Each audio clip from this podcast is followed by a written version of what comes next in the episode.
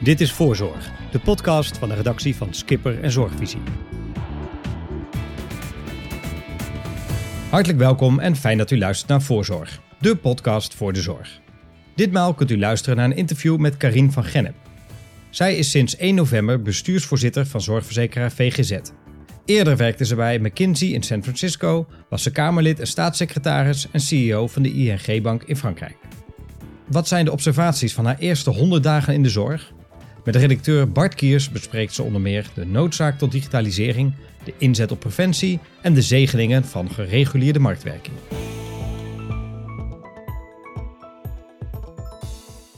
Welkom.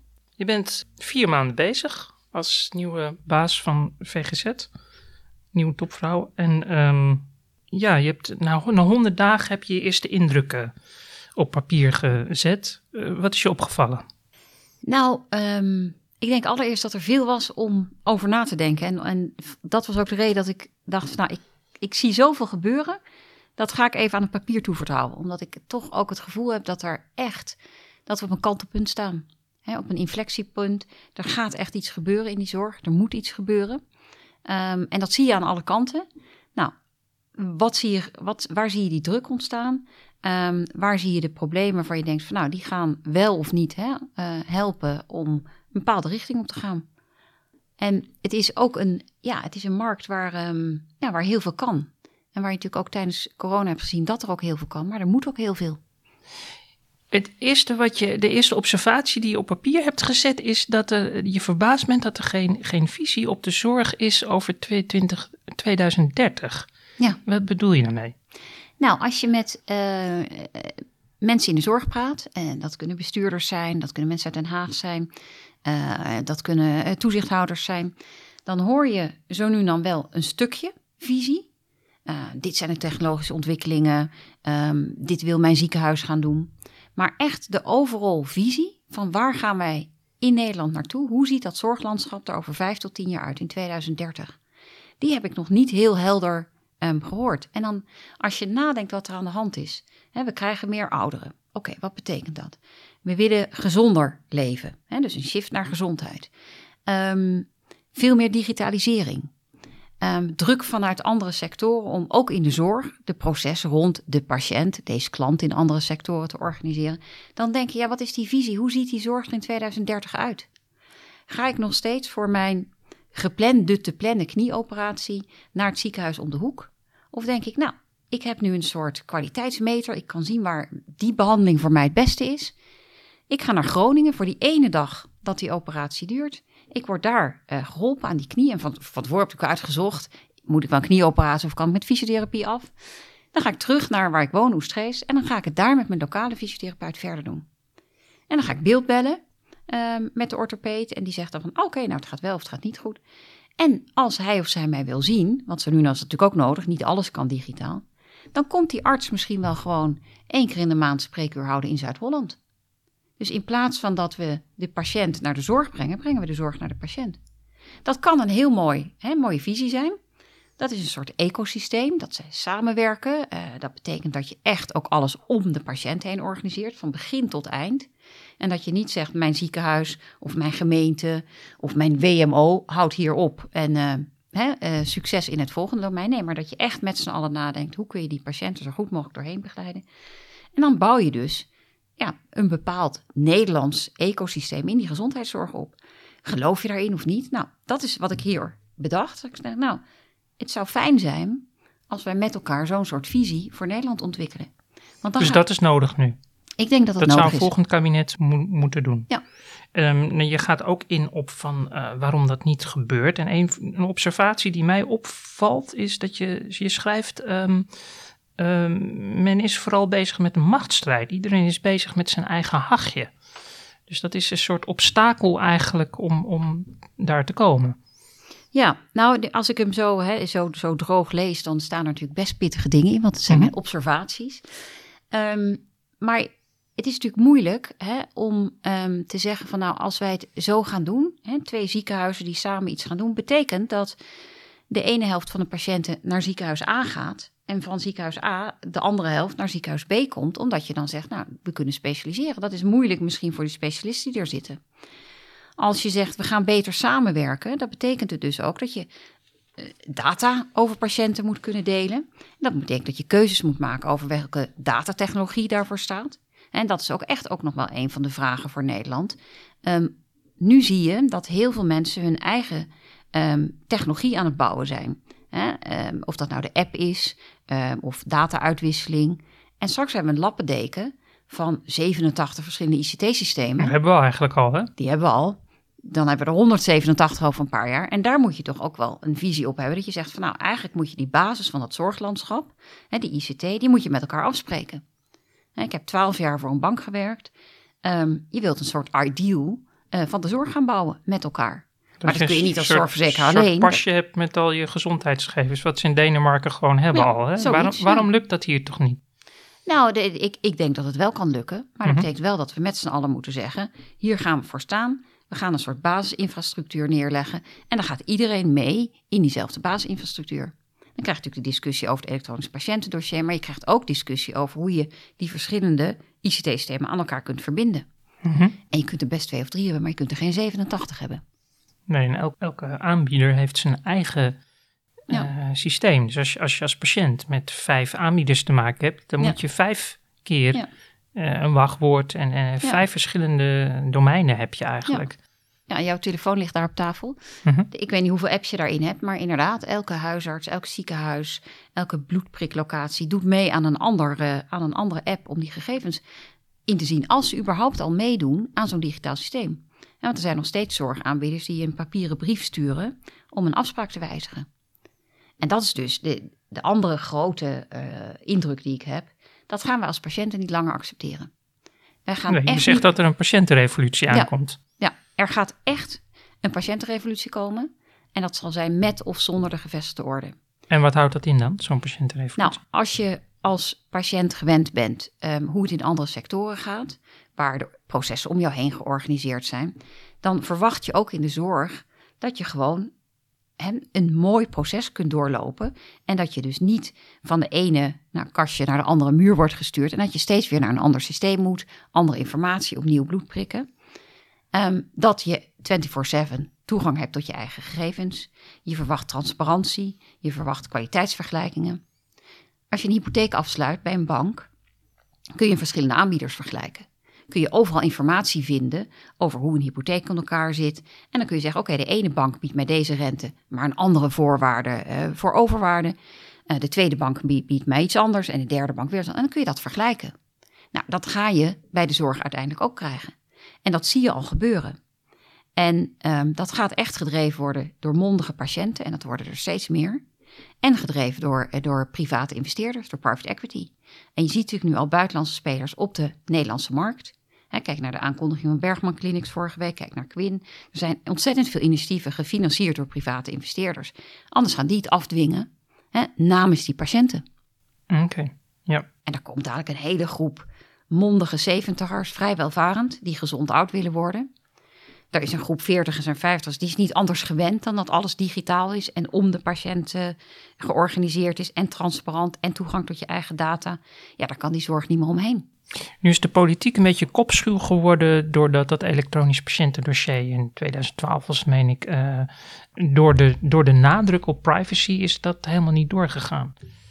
Um, dus dat, die privacy discussie, die, die belemmert dat een beetje. Wat vind, je daarvan? Nou, kijk, dat is natuurlijk een hele belangrijke discussie. Um, zowel privacy als cybersecurity. Um, medische gegevens zijn natuurlijk net als financiële gegevens overigens, die zijn kwetsbaar. Dus daar moet je goed en zorgvuldig mee omgaan. Maar waarom lukt dat banken wel dan? Want, Precies. Ja. Dus als het in 2012 moeilijk was vanwege de privacy en banken kunnen het wel bouwen, dan moet je daar als zorg wat van leren dan moet je zeggen van nou, dan ga ik eens bij een bank kijken om te kijken hoe die dan de financiële gegevens beschermen. Dan kopieer ik dat gewoon naar de medische gegevens, kijken of het genoeg is. Misschien is het wel, wel meer dan genoeg. En dan kun je het alsnog doen. En het, hetzelfde geldt voor, hè, wat ik net zei, het voorbeeld van Ideal. Hè, hoe wij betalingen in Nederland doen, is overigens vrij uniek in de wereld.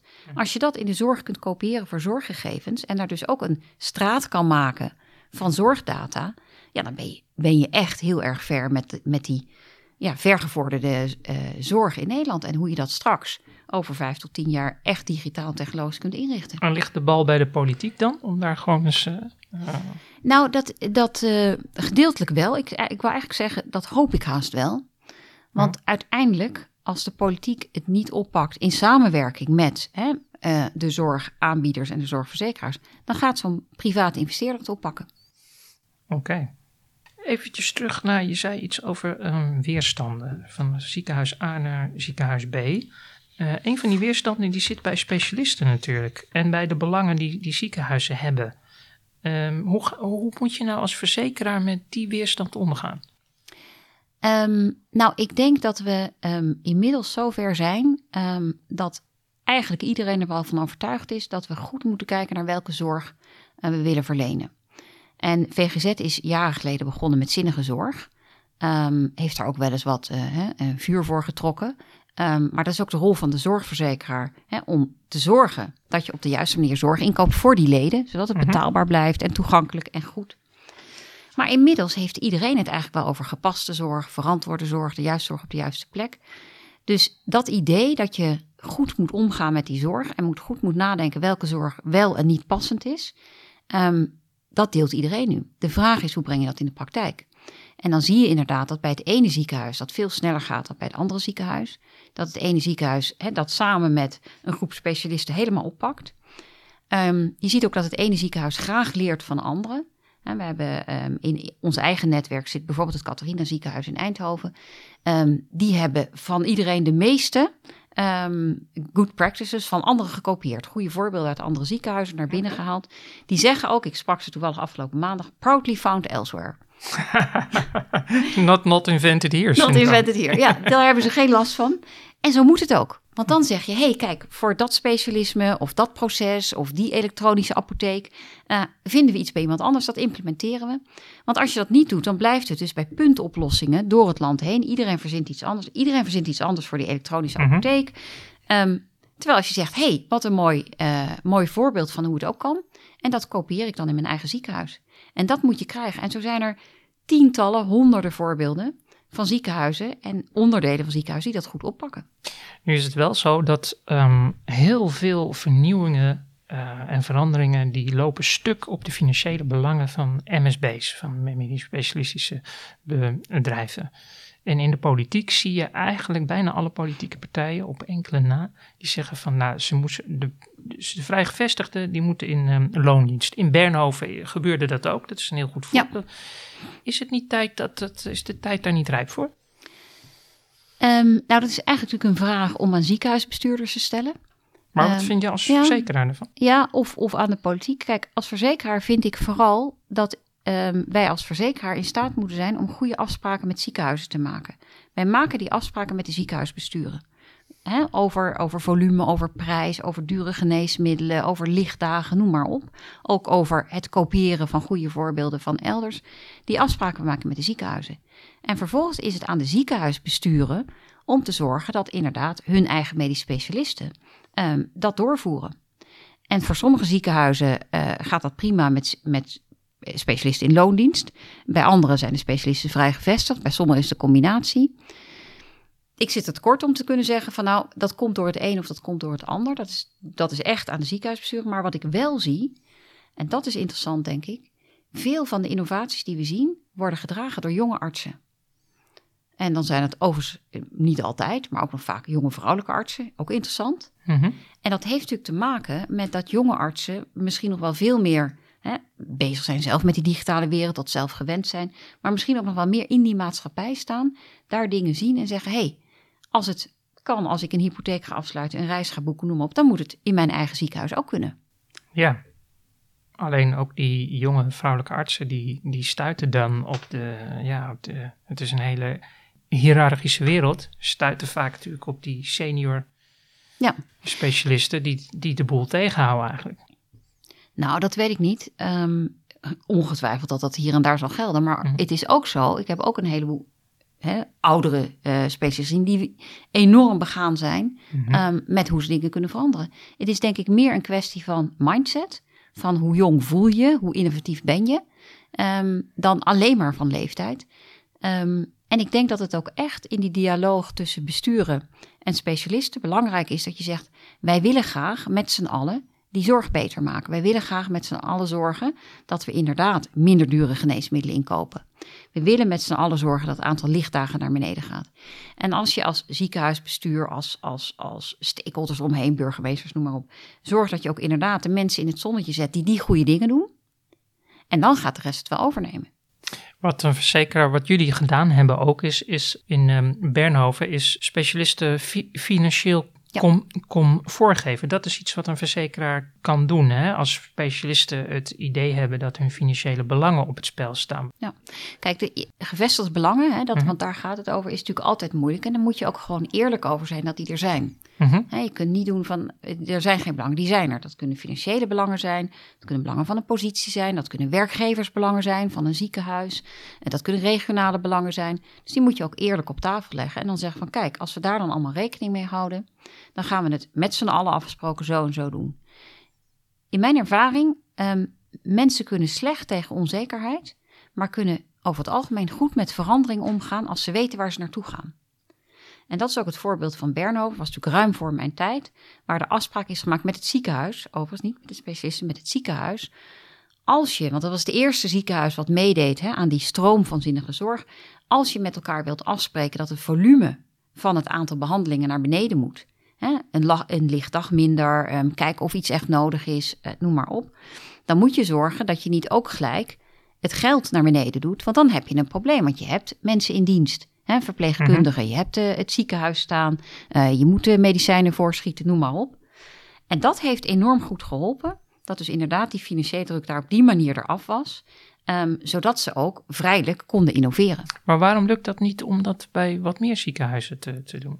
Nou, dat lukt wel degelijk. Want er zitten nu in dat netwerk van VGZ zitten 19 alliantiepartners die allemaal hè, op hun uh, verschillende manieren, want dat zijn natuurlijk verschillende soorten spelers, uh, dit soort programma's hebben. En waar je dus ook met allemaal langdurige, meerjarige afspraken maakt om bepaalde dingen te veranderen. Meer digitaal uh, met name, maar ook hè, minder dure geneesmiddelen, andere manieren van, van behandelingen. Ik was twee weken geleden, daar was ik wel fysiek op bezoek. Een van mijn weinige fysieke bezoeken was ik bij het Vincent van Gogh. Dat is een GGZ-instelling. En die proberen dus naar minder lichtdagen te komen en meer mensen naar huis te brengen. En dan natuurlijk nog wel alle goede GGZ-gesprekken hebben en waar nodig medicatie. Maar dat mensen thuis kunnen herstellen. En daardoor herstellen mensen veel, veel sneller. Nou, als je dat soort programma's kunt afspreken, dan moet je ook zo zeggen als verzekeraar: oké, dan gaan we de besparingen die daarmee samenhangen, gaan we delen. Die zijn dan niet alleen voor mij als verzekeraar, die zijn dan ook voor jou als zorginstelling, omdat je iets spannends probeert. Omdat je proeven moet doen, omdat je hè, op een of andere manier ook risico loopt. Nou, en als dat dan goed gaat, dan delen we uh, wat eruit komt. Ja, nu is het zo dat um, als je zoiets doet, als je zoiets afspreekt met, uh, met een zorgaanbieder, dan is het wel leuk als andere verzekeraars daar ook aan meedoen. Op Klink zei er een keer over van ja, het moet uh, free riders gedrag van andere verzekeraars daar moet wel een einde aan komen. Een paar jaar geleden zei, zei, hij dat. En waar hij op doelde was dus dat, um, dat andere verzekeraars uh, wel profiteren van minder volume, maar niet die financiële comfort bieden. Dus gewoon de, voor de laagste prijs gaan. Ja. Gaat dat beter nu? Volgens mij gaat dat, uh, gaat dat beter nu. Wat ik heb gezien in die eerste maanden is dat er behoorlijk wat programma's uh, of samen worden gedaan of dat inderdaad een verzekeraar hem min of meer hetzelfde afspreekt in dezelfde richting, maar wel eigen afspraken maakt. Want dat heb je wel nodig, dat die verzekeraars, want dat, zo krijg je een gereguleerde weliswaar marktwerking, dat een verzekeraar zegt zoals wij, nou, wij gaan echt zitten op die passende, die zinnige zorg um, of op digitalisering. Een andere verzekeraar zit misschien weer meer op preventie. Um, maar dat verzekeraars dus eigen accenten kunnen leggen en daarmee die zorginkoop kunnen doen. Maar dat je wel, je ziet steeds meer um, die beweging naar zinnige zorg, gepaste zorg, verantwoorde zorg, juist zorg op juist plek, bij alle verzekeraars. Dus iedereen maakt dat soortzelfde afspraken. Maar het is inderdaad belangrijk dat je als verzekeraars, zonder dat je dan ook weer allerlei ACM-problemen krijgt, wel een bepaalde visie deelt van hier willen we naartoe. Is dat dan het congruente gedrag wat, uh, wat zorgverzekeraars geacht worden ja. te, te, tonen? nou, dat is, die heb ik overigens niet opgeschreven op die twee pagina's er zijn ontzettend veel definities en, en woorden in de gezondheidszorg waarvan ik denk, en wat bedoelen we dan precies? En dan ga je doorvragen en dan bedoelen mensen er gewoon verschillende dingen mee. Mhm. En dit is er één van. Staat in het hoofdlijnakkoord. Ja, kon- maar dan ga je hem uitwerken en dan zeg je van, oké, wat betekent dat dan? Betekent dan dat je precies hetzelfde doet als die andere verzekeraar? Volg je dan de inzet van die verzekeraar? Ehm, eh, in hoeverre kun je daar op volume of op prijs van, van afwijken? Nou, dat, daar verschillen mensen nog wel van mening over. De filosofie ervan is natuurlijk dat als de twee grootste verzekeraars bij een ziekenhuis samen bedenken: dit ziekenhuis zou mooi zijn als het of meer gaat digitaliseren of meer gaat samenwerken met het ziekenhuis vijf kilometer verderop, hè, bijvoorbeeld, of dit en dat eh, met de spoedeisende hulp doet, dat de andere verzekeraars bij dat ziekenhuis dan dat volgen. En dat is congruent gedrag. En daar ben je voor ook. Ja, maar daar, daar zijn alle verzekeraars voor. Oh, Oké. Nee, omdat je schreef ook ergens van. ehm, noem je het nou? Oh ja. Leg verzorgeraars geen volgbeleid op in regionale mallen in de zorgverzekeringswet. Ja, dat is weer volgbeleid, is weer wat anders. Dan is het veel verplichtender. Dan is er dus één zorgverzekeraar die zegt: gij zult dit doen en dan moet de rest volgen. Ehm, kijk, wat je niet wil, is dat je ehm, per regio zegt dat je Nederland opdeelt in eh, 12, 13, 14, 17 regio's. En dat je dan zegt: dit zal er in die regio gebeuren. Wat je wilt, is dat je nadenkt wat er voor een patiënt belangrijk is. En dat je die processen rond de patiënt organiseert. En dat je ook echt zorgt dat je nadenkt over wat er voor de patiënt belangrijk is. En soms zijn er zaken die je lokaal wilt oplossen. Langdurige zorg, ehm, GGZ, waar we het net over hadden, geboortezorg, dat moet je allemaal lokaal regelen. Maar er zijn ook heel veel dingen die je nationaal wilt regelen. Als je een zeldzame chronische aandoening hebt, dan wil je niet gebonden zijn aan je eigen regeling. Dan wil je naar de beste specialist en dan ben je best bereid daar één keer naartoe te gaan, ver weg, om daar het beste advies te krijgen. Als je dan kijkt wat je eh, bedoelt als je het hebt over regio's, wat veel mensen op dit moment kennelijk doen, denk ik, nou, laten we het eerst over hebben wat het probleem is, zodat je dat kunt oplossen. En dan gaan kijken, hè, moet dat lokaal, moet dat nationaal, moet dat heel specialistisch georganiseerd, moet dat juist samenwerking tussen thuiszorg, huisarts, eh, ziekenhuis zijn. Maar dan past het niet om te zeggen, wij maken een regionale hoofdlijnenakkoord, spreken daar van alles in af. Als jij vijf kilometer buiten die regio woont, mag je daar niet aan meedoen. Ehm, het staat ook dat idee van nou, als je meer digitale zorg hebt, hè, diabetes voor Drenthe vanuit Dordrecht, ik noem maar staat dat ook in de weg. Ehm, en dan krijg je dus in die bestuurlijke drukte die de zorg al heeft, weer een bestuurslaag eroverheen. Want dat is een andere verbazing. Er wordt ontzettend veel vergaderd in de zorg. Dat is in heel veel hè, eh, sectoren natuurlijk ook aan de hand. Maar denk je, je moet die bestuurlijke drukte juist verminderen. Je moet zorgen dat structuren waar het kan gewoon informeel zijn. Dat het om samenwerking gaat. En dat je die patiënt, die leden van ons, dat die steeds in de kern van de discussie staan. Dat je zorgt dat je de processen om hun heen organiseert. Dat je zorgt wat er voor die patiëntengroep belangrijk is. Dat je het op die manier organiseert. Een andere observatie gaat over ja, dat je verrast bent door de welzijnsvragen. De zorg wordt geacht heel veel op te lossen wat elders misgaat. Maar tegelijkertijd zie je wel dat er een relatie is tussen zorg en welzijn. En vind je dus um, dat de financiering daarbij moet aansluiten. Dat we moeten ontschotten. Dan vraag ik me af, wat bedoel je daar eigenlijk mee? Ja, dat, misschien is dat zelfs ook een, een, een beetje een buzzwoord, ontschotten. Dan heb je het over zogenaamde domeinoverstijgende vraagstukken. Mm -hmm. Nou, dit is natuurlijk al een mond vol. Maar gewoon heel simpel wat er aan de hand is. Um, als jij uh, langdurige zorg nodig hebt, um, hè, mensen met beginnende dementie bijvoorbeeld, uh, jeugdzorg, dan weten mensen vaak niet waar ze terecht moeten. En mm -hmm. dan is het dus onduidelijk um, op welke plek je de juiste zorg kunt krijgen. Is dat via de gemeente, via de WMO? Mm -hmm. Is dat via de zorgverzekeraar? Dan heb je de ZVW. Is het via het zorgkantoor? Dan heb je de WLZ. Dan heb je vast nog een heleboel andere dingen waar je ook naartoe kan. Nou, die en dan ga je naar eentje die zegt: nee, je moet naar, die, naar dat andere domein. Nou, die onduidelijkheid voor patiënten, dat moet er vanaf. Hè, dat is één. Tweede, en dan kom je meer bij een bestuurlijk vraagstuk, is wat je nu ziet: als je in het ene domein investeert, liggen de opbrengsten in het andere domein. Een gemeente die aan preventie doet, hè, heel noodzakelijk, die krijgt daar zelf niet zoveel voor terug. Ja, gezondheidswinst, maar in de financiën gaat het naar de zorgverzekeraar die minder zorgkosten heeft op termijn. Mm -hmm. Nou, daar moet je natuurlijk ook oplossingen voor hebben. Dat als je in het ene domein investeert, de opbrengst ligt in het andere domein, dat dat gewoon kan.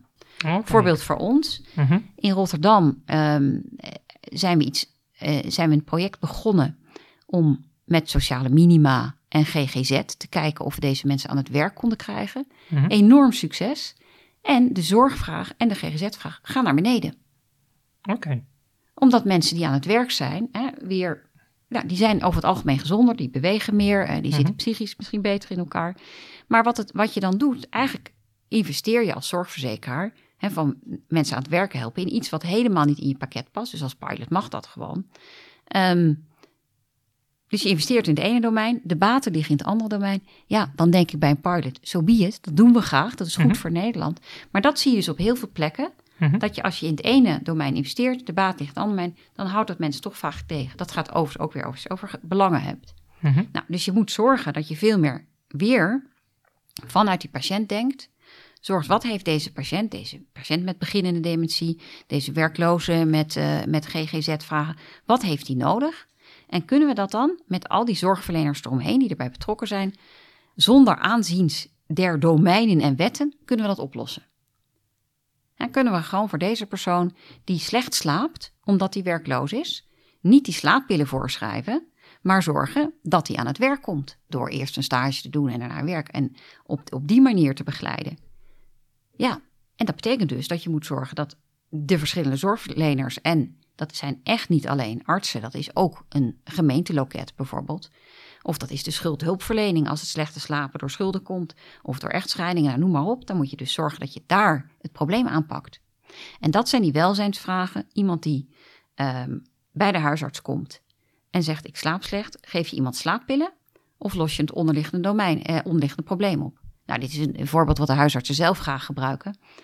Ehm, en dat is natuurlijk een vraag. Heeft de huisarts dan genoeg tijd om met zo iemand in intensiever gesprek aan te gaan dan die vijf minuten? En is die huisarts dan in staat om in één keer door te verwijzen naar het juiste loket? Want die huisartsen zeggen ook zelf, als je niet gelijk doorverwijst naar de schuldhulpverlening, komt het er niet van. Meer tijd voor de patiënt, dat is een, een heel mooi project. Ja. Ook uit, eh, zeg maar, hè, waar VGZ ehm, steun aan gaf. Alleen daar zie je nou echt zoiets van. ehm, dat de, een kink in de kabel kwam toen bleek dat er minder patiënten naar het ziekenhuis gingen in, in Boksmeer. En daar was net een financieel reddingsplan opgesteld. Waarbij het ziekenhuis afhankelijk is dat er voldoende patiënten komen. En er kwam een soort kink in de kabel. Ja. Dat, hoe kijk je daar tegenaan? Dat is toch doodzonde eigenlijk. Ja, nou kijk, één, wat je wilt is dat mensen die niet doorverwezen hoeven te worden naar het ziekenhuis, ook niet doorverwezen worden, maar dat die gewoon bij de huisarts terecht kunnen om de hoek met, bij iemand die ze kennen. En niet die belasting van naar het ziekenhuis gaan, nog afgezien van de kosten. Maar eerst even over die patiënt nadenken. Ehm, en soms kan dat ook, en dat is natuurlijk tijdens COVID hebben we dat gezien, doordat er de patiënt, eh, de huisarts samen met de patiënt beeld belt met de specialist. En dan zegt die specialist van, oh nee, dit valt allemaal mee, dit kan gewoon bij de huisarts blijven, eh, die en die dingen moet je doen. Als dat betekent dat een ziekenhuis minder inkomsten heeft, ehm, dan zou het zo moeten zijn dat je natuurlijk met zo'n langetermijnvisie, dat je dat hebt voorzien doordat je zegt meer tijd bij de huisarts betekent minder doorverwijzingen, dus minder inkomsten voor het ziekenhuis. Als een ziekenhuis uiteindelijk in de financiële problemen komt, dan kom je in een andere discussie, ehm, waarbij je dan overigens vaak ook met andere zorgverzekeraars aan tafel zit. Hoe belangrijk is de functie van dit ziekenhuis hè, in deze regio voor deze specialismen, voor deze patiëntengroepen? En hoe gaan we zorgen dat we dat wat er belangrijk is in de lucht houden? En dan heb je een heel ander gesprek. Maar die moet je niet met elkaar vermengen. Maar dat gebeurde daar dus wel. Dus dat Ja. is eigenlijk doodzonde. En dan denk ik van, dat zijn gewoon geen goede afspraken. Het zou toch niet zo mogen zijn dat zo'n, om een, een ziekenhuis in, in de lucht te houden, dat je dan, eh, dat zo'n goed voorbeeld daar last van heeft. Ja, nou, dit, dit was voor mijn tijd, dus ik ken niet alle details van het voorbeeld. Ik heb er natuurlijk wel over gehoord. Maar ik geloof nog steeds dat je het goede moet doen, wat goed is voor de Nederlandse maatschappij. En als er dus bijeffecten zijn, om het maar zo te zeggen, en die zijn Mhm. natuurlijk groot, als daardoor Mhm. een ziekenhuis gaat wankelen, moet je die oplossen. Maar moet je niet het oorspronkelijk goede idee loslaten. Oké, dus er gaat nog wat gebeuren. Preventie. Ja. Jouw observatie is, ehm, er wordt er weinig gedaan aan preventie en gezondheid, omdat het van niemand is. Ja. Nu spreken een heleboel mensen erover en eh, ja, preventie moet het helemaal worden. Maar tien jaar geleden eh, hoorde je dat ook al. Het komt, het de vraag is of het gaat lukken nu. Ja, nou, eh, 30 jaar geleden de- deden we al te weinig aan preventie, weet ik. Want een van mijn afstudeerprojecten was bij het toenmalige ministerie van Volksgezondheid. Daar kwam dat uit. Maar ehm, één, ehm, het gaat over gezondheid. En preventie is een onderdeel van gezondheid. Het is een van de manieren om gezonder te worden, gezonder te blijven. Ehm, dat, is, dat is volgens mij de eerste. Maar de tweede is, ja, preventie is steeds belangrijker, wordt steeds belangrijker. Dat is ook een van die grote maatschappelijke trends die je ziet. Hè. Er komt een patiëntenrevolutie aan. Alles wordt digitaler. Mhm. We zijn op zoek naar zingeving. ehm, en die shift naar gezondheid. Ehm, als je preventie voor elkaar wilt krijgen, moet je je denk ik eerst realiseren... er zijn verschillende soorten preventie. Dus preventie als je al ziek bent om niet nog zieker te worden. Mhm. Hè, keer diabetes om. Dat gaat over mensen die al diabetes hebben. Hoe zorg je dat je minder medicijnen gebruikt of überhaupt niet aan de medicijnen komt.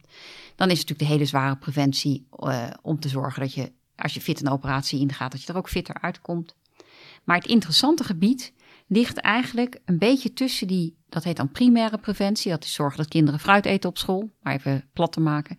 En die secundaire preventie, ik heb al diabetes, hoe wordt het niet erger, in ligt. En dat zijn mensen die een beetje iets hebben. Ehm, maar daar al wel mee aan de slag willen. We hadden het net even over die 70-jarigen. 70-jarigen die zeggen, nou, ik ben nog hartstikke fit, maar ik voel toch wel dat ehm, het fietsen wat minder gaat. Dat mijn geheugen wat minder gaat. Dus ik wil graag fit oud worden. Ehm, waar kunnen die terecht? En dat is een soort van anderhalf preventie, noem ik dat. Mhm. Ehm, een ander voorbeeld is eh, mensen die zwanger willen worden en dat op een gezonde manier willen doen. Dat is nog helemaal geen preventie, want er is nog niks medisch verkeerds aan de hand. Maar wel heel belangrijk om dat goed te doen. Heel concreet voorbeeld, tijdens corona zijn we allemaal eh, een paar kilo aangekomen. Ehm, hebben we allemaal wat stress van het werken thuis. Wat gaan we daaraan doen? Dat is ook een soort anderhalfspreventie. Want dan heb je een concrete hulpvraag. Ehm, en dat is nog niet de heftige preventie van hè, keer diabetes om of de simpele preventie van fruit op school. De mindfulness app van VGZ is een miljoen keer gedownload in de laatste maanden. Een miljoen keer en gebruikt. Dat betekent dus dat er behoefte aan is. Dat betekent dat mensen er behoefte aan hebben in deze coronatijd om die, ja, die spanning van dat thuiswerken achter dat scherm van zich af te zetten. En dat is ook preventie.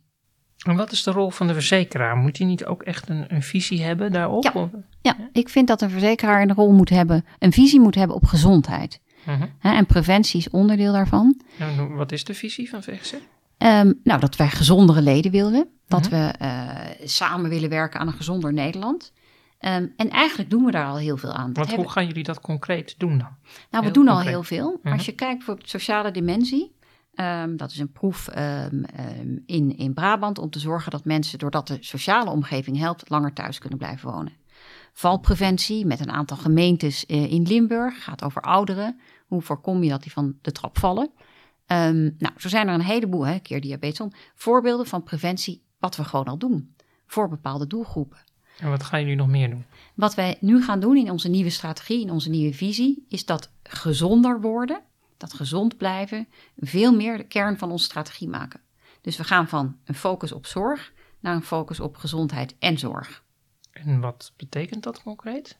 Dat betekent dat we bijvoorbeeld, hè, die voorbeelden die ik net noemde, gaan kijken rond welke thema's, welke onderwerpen kun je met de leden samen zeggen: dit is belangrijk voor deze groep leden. Um, en daar gaan we dus ook voor zorgen dat die patiëntenreis van het begin tot het eind, dat die heel soepel gaat verlopen. Dat er de juiste informatie is, dat er de juiste hè, handsovers op verschillende systemen zijn. Dat mensen de juiste keuze kunnen maken met de goede informatie, met transparantie. En dan krijg je dus clubs rond thema's van groepen van leden die zeggen van op deze manier blijf ik gezonder. Of word ik weer gezonder. Is het preventie ook niet iets wat je samen moet doen met gemeenten, Ja. met zorgaanbieders? Ja, absoluut. Ja. En dat is denk ik ook een hele belangrijke als je het hebt over die visie van over tien jaar. Ehm, de zorg gaat zoveel duurder worden. Er zijn zoveel minder mensen eh, relatief die in de, zorg, in de zorg gaan werken. De technologie gaat zoveel sneller. De medicijnen worden zoveel duurder. Je kunt alleen deze zorg efficiënt, toegankelijk, goed inrichten als je het met elkaar doet. En met elkaar betekent met gemeentes, met ziekenhuizen, met alle verschillende zorgaanbieders, met de zorgverzekeraars en allemaal ja, met die patiënt voorop. Het moet uiteindelijk draaien om wat er voor die patiënt, voor die leden van onze coöperatie belangrijk is. Ehm, de arbeidsmarkt, je, je noemde het net eventjes al. Ehm, dat is een, een, een, het personeelstekort is echt nijpend. Hè? Ehm, wat kan een zorgverzekeraar daaraan doen? Ehm, nou, best wel veel, denk ik. Ehm, niet zo direct, maar wel indirect, omdat je ehm, de goede voorbeelden van de ene zorgaanbieder kunt meenemen naar de ander omdat je op het moment dat je eh, inkoop uh, bespreekt, het kunt hebben over, goh, wat is het verzuim, wat is het verloop, wat doen jullie daaraan? Um, heb je dit voorbeeld van die andere zorgaanbieder alles gezien?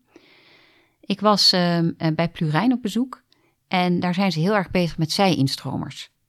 Om te zorgen dat, want dat zijn natuurlijk hele zware GGZ-gevallen, en dat is vaak voor jonge beginnende uh, hulpverleners is dat heel zwaar. Dus daar is het, het verloop onder jongere hulpverleners best hoog. En ze hebben uitgevonden als ze zij-instromers nemen, en ze hadden het voorbeeld van een timmerman, die dat in volle motivatie gaan doen, ja, die blijven veel langer werken. En die brengen ook een levenservaringen mee, die helpt in zo'n instelling. Dus je hebt een heleboel goede voorbeelden uh, die je van de ene zorgaanbieder naar de andere kan meenemen. En er zijn overigens best wel veel initiatieven om iets aan dat arbeidsmarkttekort te doen. Eén daarvan is het potentieel pakken. Dat gaat erover. Moet je standaardcontracten van 28 uur aanbieden? Of kun je ook contracten van 34, 36 uur aanbieden? Zodat de mensen die in de zorg werken, en dat gaat vooral over thuishulp, verplegen, tehuizen, uh, thuiszorg. Als die allemaal middag meer werken, hoeveel van het probleem heb je dan opgelost? Ik ga nog even terug naar preventie. Ja. Wat voor preventie vaak lastig is, is de discussie over wat nou een bewezen effectieve ja. aanpak is. Maar dat duurt vaak jaren voor, voordat je dat weet. Dus als je daarop gaat wachten, dan gebeurt er gewoon niks. Ja, nou en dat is ook, ik denk, een van de moeilijke discussies nu als je het hebt over de financiering van preventie door zorgverzekeraars. Want je kunt de gemeente een budget geven en zeggen, hè, fruit op scholen. Um, maar door zorgverzekeraars, dan moet je een zogenaamde betaaltitel hebben. Um, op basis waarvan je dat kunt declareren. En dan moet je dus ook inderdaad kunnen bewijzen dat het zin heeft wat je doet. Nu is het wel zo dat wij dus met een aantal van die programma's, sociale dementie noemde ik net al, dat programma met die minima in Rotterdam, valpreventie, keer diabetes om, hebben bewezen dat het werkt. Nou, dan is vervolgens de vraag, als je het op basis van één pilot kunt bewijzen dat het zin heeft, mag je het dan al voor alle zorgverzekeraars voor heel Nederland uitrollen. En dat soort discussies worden er op dit moment gevoerd. En die discussie gaat ook echt wel in de formatie terugkomen. Want ervan uitgaande dat dit kabinet zichzelf een gezondheidsdoelstelling zal gaan stellen. En ik denk dat dat nodig is. Niet een preventiedoelstelling, een gezondheidsdoelstelling. En daar maakt preventie dan onderdeel van uit. Dan moet je ook zeggen, oké, welke instrumenten geef ik dan aan die spelers in handen om daar wat aan te kunnen doen? Dan moet je bijvoorbeeld bij de gemeente zeggen, preventiegeld is geoormerkt. En gaat niet concurreren hè, met de zwembaden, de bibliotheken, de lantaarns. Nee, dat is dan preventiegeld. Dan moet je zorgverzekeraars de kans geven om ook inderdaad iets op preventie te kunnen schrijven. Dan moet je zorgaanbieders ook zeggen: je moet preventie meenemen in dat hele traject van die patiënt. En niet dat die diabetespatiënt waar we het net over hadden, op zijn zeventigste bij de specialist komt en dan pas te horen krijgt dat hij twintig jaar eerder uh, meer had moeten bewegen en gezonder had moeten eten. Dat is twintig jaar te laat even naar de coronacrisis. Ja. Nou, op een dag is die voorbij. Laten we hopen dat het niet, al, niet al te lang duurt. En daar zeg jij van, uh, dan moeten we niet de denkfout maken om, om meer centrale sturing te gaan introduceren. Wat, ja, wat de nationale overheid nu probeert in ieder geval. Kijk, um, in crisistijd Mhm. moet je juist centraal aansturen. Mhm. In crisistijd moet je juist alle instrumenten uit de kast halen om te zorgen dat je die crisis bezweert. En daar hoort, uh, in een crisis zoals corona, hoort er gewoon centrale sturing bij. Of dat nou over bedden gaat, over vaccinaties, over de manier waarop je met financiering omgaat, noem maar op. Maar als je uit de crisis bent en je weer in een normale uh, hè, manier van doen zit, dan moet je niet doorgaan met het te besturen alsof er crisis is. Dan moet je het juist weer aan het veld overlaten. Want dat veld heeft in die laatste 10 jaar, 12, 13, 14 jaar, heel goed bewezen dat aan te kunnen. Maar er is wel een roep om te, van, uh, nou, met die marktwerking, daar, moet, daar moeten we maar mee uh, stoppen nu. Want dat, sa dat samenwerken, uh, wat, wat, dat heeft wel echt vleugels gekregen in, in, de, ja. in, de, in de coronatijd. Dus nee, maar, daar moeten we mee doorgaan. Marktwerking moeten we mee stoppen. Dat is een geluid wat je veel ja, hoort. Nou, samenwerking heeft ook in de crisis goed gewerkt, mm. hè, op een heleboel plekken. Op een paar plekken natuurlijk ook wat minder.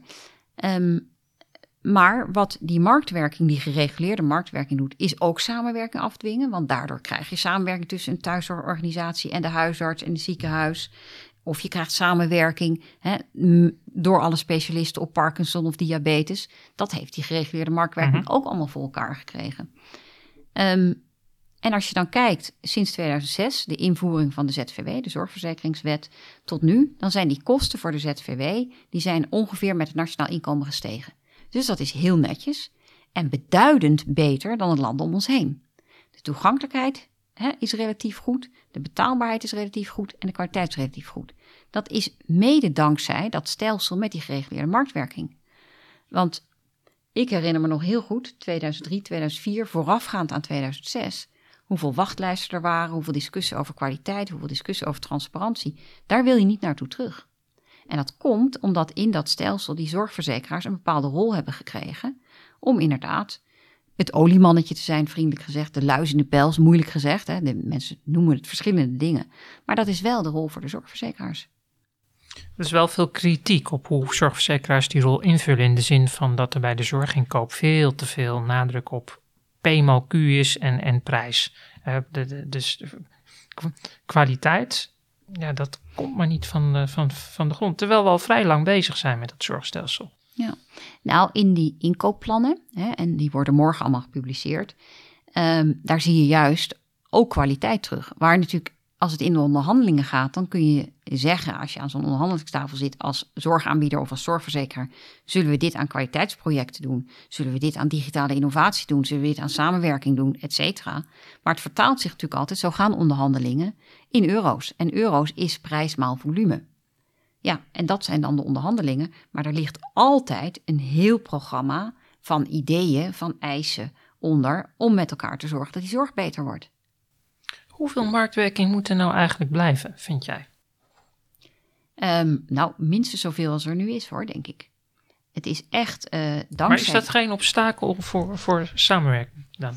Nee, want in, in gereguleerde marktwerking kun je ook prima samenwerken. Maar wat je, wat je wilt is dat die, doordat die zorgverzekeraars inkopen bij zorgaanbieders, dat je innovatie krijgt. Dat je doordat je zo'n contract afsluit zegt: Oké, hoe gaan we meer digitale zorg voor elkaar krijgen? Hoe gaan we zorgen dat jullie als ziekenhuis meer voorbeelden van een ander ziekenhuis overnemen?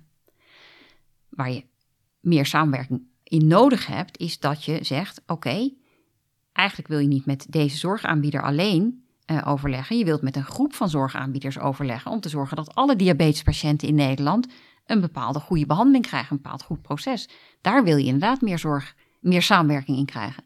En hoe je dat als zorgverzekeraar kunt afdwingen is door te zeggen: kijk eens, zo gaat het rond de patiënt.